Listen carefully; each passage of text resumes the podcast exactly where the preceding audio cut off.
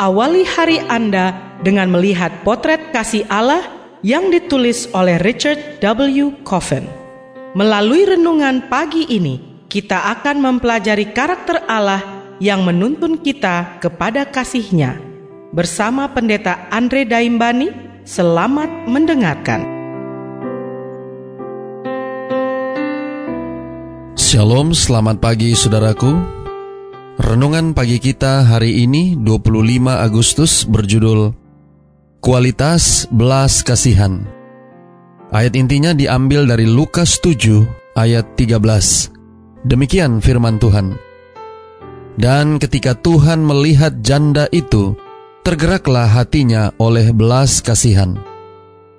Mari kita dengarkan penjelasannya.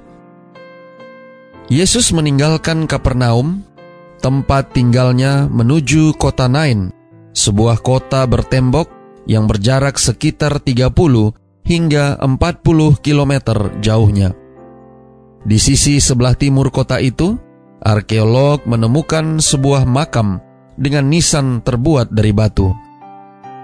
Arti nama kota tersebut menyenangkan. Tapi itu bukanlah suatu tempat yang menyenangkan pada hari Yesus datang ke sana. Setelah ia dekat pintu gerbang kota, ada orang mati diusung keluar. Sebagaimana dicatat dalam Lukas 7 ayat 12. Pemakaman tak pernah menyenangkan, dan ini pun tidak terkecuali. Bahkan yang satu ini lebih menyedihkan daripada biasanya. Ibu dari orang yang meninggal itu adalah seorang janda yang berduka karena tingkat kematian yang tinggi.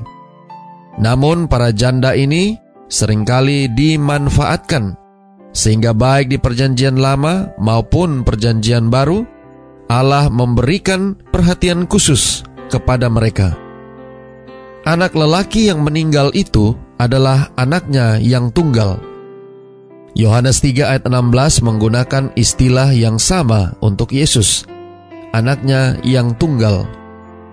Alkitab tidak menyinggung adanya anak perempuan dan kemungkinan besar janda dari Nain itu tidak memilikinya. Satu-satunya penunjang hidupnya, anak lelakinya yang tunggal, telah pergi.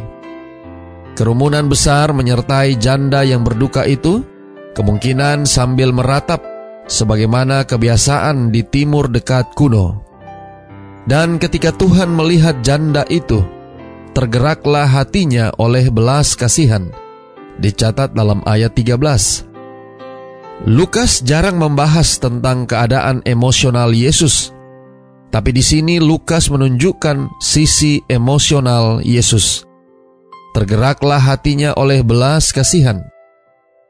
Kata yang diterjemahkan belas kasihan di sini berasal dari istilah Yunani yang merujuk pada isi perut, usus. Gagasan yang diusung di sini adalah bahwa isi perut Yesus melilit karena melihat janda itu. Itu adalah pemandangan yang memilin usus baginya. Nuansa istilah ini aktif. Belas kasihan memenuhi hati Yesus. Kata bahasa Inggris untuk istilah ini adalah mercy. Yesus mencoba menenangkan ibu yang berduka itu. Jangan menangis. Dicatat dalam ayat 13. Yesus mendekati usungan jenazah dan menyentuhnya. Hal yang membuatnya najis menurut hukum upacara. Tapi hal itu tidak masalah baginya. Lalu ia melakukan sesuatu yang aneh.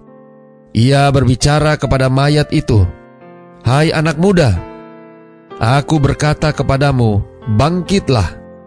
Dicatat dalam ayat yang ke-14. Dan mayat itu pun duduk dan mulai berkata-kata. Dan Yesus menyerahkannya kepada ibunya. Dicatat dalam ayat yang ke-15. Saudara-saudara yang kekasih di dalam Tuhan, demikianlah Allah yang kita sembah. Penderitaan kita menggerakkannya untuk bertindak bagi kita. Terkadang hasilnya jelas dan kita menyebutnya mujizat. Tetapi pada umumnya kita harus memandang segalanya melalui kacamata iman, percaya bahwa Ia menderita saat kita menderita, dan menangis ketika kita menangis. Doa kita hari ini, Bapa terima kasih, melalui renungan pagi ini, kami boleh mendapatkan satu hal yang sangat penting dalam kerohanian kami. Terima kasih melalui pelajaran pagi ini, kami boleh dapat melihat kualitas belas kasihan yang Yesus miliki. Tolong kami hari ini Bapa, biarlah dengan pertolongan kuasa roh kudusmu akan menolong kami untuk boleh memandang segala sesuatu melalui kacamata iman. Dan biarlah kami boleh percaya bahwa Yesus ikut menderita saat kami menderita dan bahkan ikut menangis ketika kami menangis. Terima kasih Bapak. Inilah doa dan permohonan kami kepadamu. Semoga Tuhan senantiasa memberkati kita sekalian sepanjang hari ini saat kita melakukan aktivitas kita masing-masing.